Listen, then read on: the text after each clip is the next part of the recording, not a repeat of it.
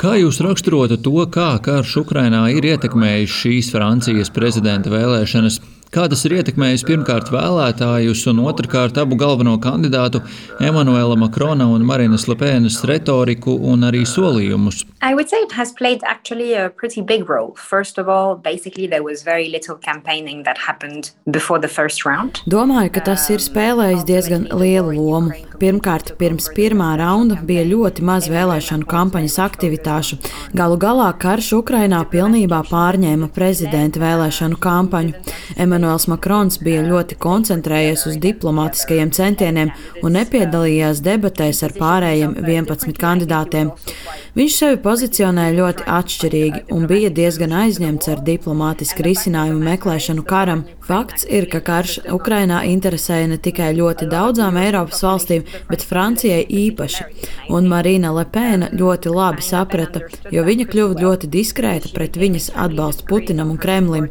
Viņai ir aizdevums Krievijas bankā, un viņa tikās ar Vladimiru Putinu 2014. gadā, un pagātnē savu atbalstu viņam ir paudusi pietiekami skaidri. Bet kampaņā mēs redzējām vairākus kandidātus, kas bija prokrieviski vai prokremliski, kas arī kļuva diezgan diskrēti, izņemot Ēriku Zemūru. Viņš bija pat radikālāks galēji labējo kandidāts, bet, kad sākās karš, viņš kampaņas laikā distancējās no atbalsta Putinam. Un tas bija brīdis, kad viņa reitingi dramatiski krita. Tie tika dalīti ar divi. Un tad šos cilvēkus ieguva Lepēna. Viņa šķita vairāk prezidentāla.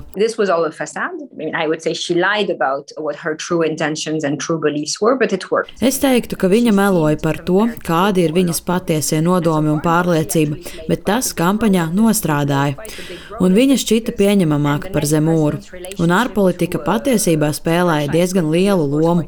Nākamā prezidenta attiecības ar Krieviju būs diezgan būtiskas, jo Emanuels Makrons ir teicis, ka, ja tiks pārvēlēts, viņš pieņems citādāku stratēģiju pret Krieviju.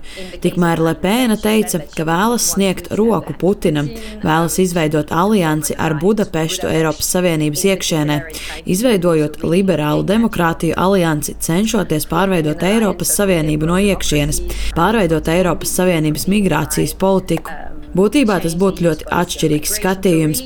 Ārpolitikas ziņā var būt Parīze, Budapešta, Maskava ass, kas būtu ārkārtīgi kaitīga Eiropas interesēm, un jo īpaši Eiropas Savienībai sankciju ziņā pret Krieviju. Ja Lepēna tiktu ievēlēta, viņa ļoti stingri lobētu sankciju atcelšanu pret Krieviju, laustu Eiropas vienotību un Eiropas kohēziju, un tam var būt diezgan dramatisks efekts. And it could have quite dramatic effects. Kā jūs raksturotu to, kā karš Ukrainā ir ietekmējis šīs Francijas prezidenta vēlēšanas? Kā tas ir ietekmējis pirmkārt vēlētājus un otrkārt abu galveno kandidātu Emanuela Makrona un Marinas Lepēnas retoriku un arī solījumus? No, Honestly, Nē, es teiktu, ka abiem ir liela nozīme.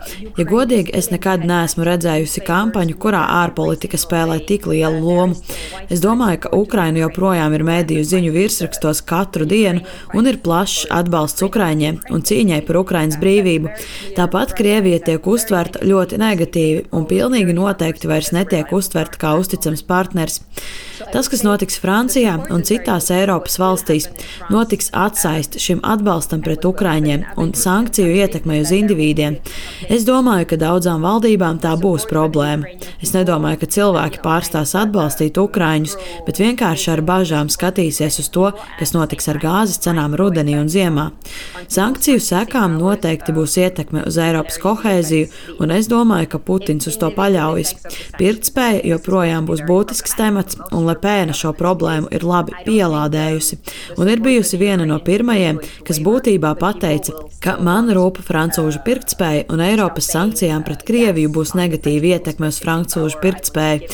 Es vēlos tiem atdot atpakaļ viņu naudu, vēlos mazināt Francijas ieguldījumu Eiropas Savienības budžetā. Yeah, very noxious project for the European Union. Neskatoties uz to, ka Marina Lepēna ir apbrīnojusi Krievijas prezidentu Vladimiru Putinu un viņas partija saņēmusi aizdevumus no Krievijas bankas, gana daudz cilvēku tomēr par viņu izvēlas balsot tieši par viņu. Arī tagad, kad Ukrainā norisinās Krievijas izprovocēts karš. Kādēļ, jūsuprāt, tieši Lepēnai un vispār galēji labējiem spēkiem ir izdevies sastādīt tik sīvu konkurenci Makronam otro gadu pēc kārtas? Viņa ir fokusējusi savu kampaņu uz pirktspējas jautājumu un ir liels apjukuma elements šeit, Francijā un arī Eiropā par to, kā viņa tiek uztverta.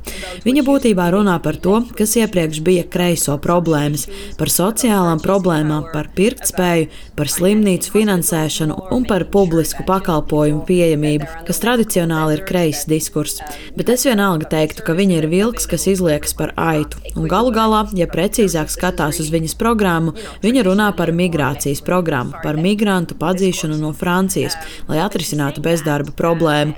Viņas programma būtībā ir galēji labēja programma, bet klātienē viņa pārsvarā runā par parasto pilsoņu rūpēm. Un ir tiesa, ka uz visa šī fona izskatās, ka Makrons it kā pārstāv eliti un ir bagāto prezidents. Prezidents, kas ir atrauts no parasto cilvēku dzīvēm un dzīves apstākļiem. Lepēna izspēlē šo kārti, jo līdz šim tas ir strādājis. Viņa nāk no politiķu dinastijas, ir privileģēta, viņai ir daudz ģimenes naudas, viņa ir augsti izglītota. Tātad būtībā viņa sadara ar to pašu profilu, kāds ir Makronam, bet viņa tā netiek uztverta. Domāju, ka šī kļūdainā uztvere par viņu ir iemesls, kādēļ viņa gūst tik daudz atbalstu. Un ir arī daudz cilvēku, pārsvarā kreiso, kuri ir ļoti dusmīgi uz Makronu un uzskata, ka viņš nav attaisnojis viņu cerības. Un te viņiem abiem būs jāpaskaidro, kādu Eiropas projektu viņi aizstāv.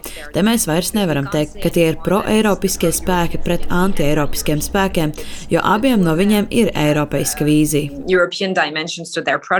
Lapēna iepriekš paziņoja, ka gadījumā, ja viņa uzvarēs Francijas prezidenta vēlēšanās, Francija atkal aizies no NATO kopīgās militārās pavēlniecības.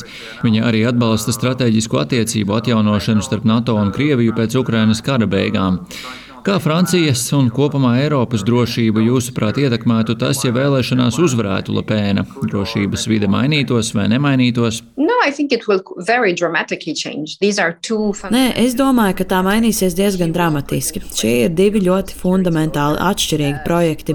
Viņa apšaubīs Eiropas drošības kārtību, mēģinās izveidot aliansi ar valsti, kurai jutīsies apdraudēta par to, ka varētu pastāvēt tāda lieta kā Eiropas drošība.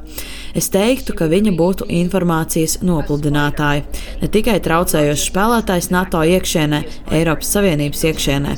Tas būtu ļoti bīstami Eiropai. Viņa prasītu pārtraukt ieroču piegādes Ukrainai, un es nedomāju, ka viņa vēlētos finansēt Eiropas aizsardzības fondu vai Eiropas miera fondu. Viņa uz lietām skatītos darījumu formā, kā Donalds Trumps, proti, kādā iniciatīvā varētu iesaistīties, kas būtu tīri Francijas interesēs. Makrons nemaz ne neaizstāv šādu pieeju, un tas būtu ļoti bīstami Eiropas kohēzijai, Eiropas drošībai un transatlantiskajai vienotībai, ja Lepēnu ievēlētu. Tam būtu ļoti smagas sekas. Daudzi jokojas un arī pārmet Makronam, ka viņš attiecībās ar Krieviju ir naivs, pārmet to, ka viņš nemitīgi mēģina uzrunāt Vladimiru Putinu, veicot neskaitāmus telefonu zvanus. Kā jūs vērtētu pašreizējā prezidenta un Francijas lomu kopumā šī kara laikā? Right. Jums ir taisnība. Ir bijušas bāžas par pašapmierinātību, kas attiecas uz Francijas un Krievijas attiecībām.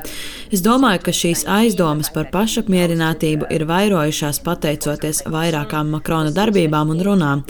2019. gadā viņš uzņēma Putinu un sniedza runu, ka nepieciešams Krievijai pasniegt roku. Un viņš mēģināja uzturēt dialogu. Es teiktu, ka galu galā tas viņam atspēlējās diezgan slikti. Tajā pašā laikā, pirmajās kara nedēļās, būtībā viņš bija viens no tiem dažiem līderiem, ar kuriem Putins bija gatavs runāt. Viņš nevēlējās runāt ar Eiropas Savienības institūciju līderiem un nedaudz runāja ar Olafu Šolcu, bet bija šī nojausma, ka varbūt šī attiecību forma, kas starp viņiem ir uzbūvēta, ka tā varbūt palīdzēs, lai novērstu to, ko Putins dara. Tomēr tā nav izrādījusies taisnība. Marīna Lepēna ir teikusi, ka ja viņa tiks ievēlēta, viņa nekavējoties zvanīs Putinam un mēģinās izveidot dialogu ar viņu.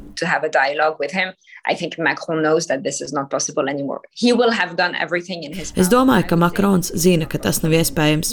Viņš ir darījis visu, kas ir viņa spēkos. Fakts, ka viņš ir šo dialogu mēģinājis uzturēt, arī savā ziņā attaisno mūsu ieroču piegādes Ukrainai, jo viņš var teikt, ka ir darījis visu, lai novērstu šo karu, ka ir meklējis dialogu ar Putinu. Bet tas ir bijis veltīgi. Es nedomāju, ka viņš vēlēsies pārtraukt attiecības ar Krieviju, ja viņš tiks ievēlēts. Protams, nebūs iespējams veidot tādas pašas attiecības un cerības arī caur Eiropas Savienību, kādas tās ar Krieviju ir bijušas iepriekš, bet es domāju, ka viņš apzinās, ka viņam nāksies uzņemties Eiropas diplomātisko līderību, jo Eiropa ir šīs krīzes priekšgalā attiecībā uz sankcijām un militāro palīdzību Ukrainai. Šī bija pirmā kara frāze, bet tagad ir jautājums, ko Eiropas Savienībai darīt, lai karu apstādinātu. Es domāju, ka liels fokus būs uz to, kā mazināt sankciju efektu uz eiropiešiem un domāt par to, kā pastiprināt NATO un Eiropas aizsardzību. Tāpēc viņam būs jāuzņemas daudz līderības, jo viņš bijis fokusēts uz kampaņu. Bet ir viens no tiem nedaudzajiem Eiropas līderiem, kurš ir spējīgs un psiholoģiski gatavs to uzņemties. Tādēļ domāju, ka viņam nāksies to uzņemties, ja viņš tiks ievēlēts.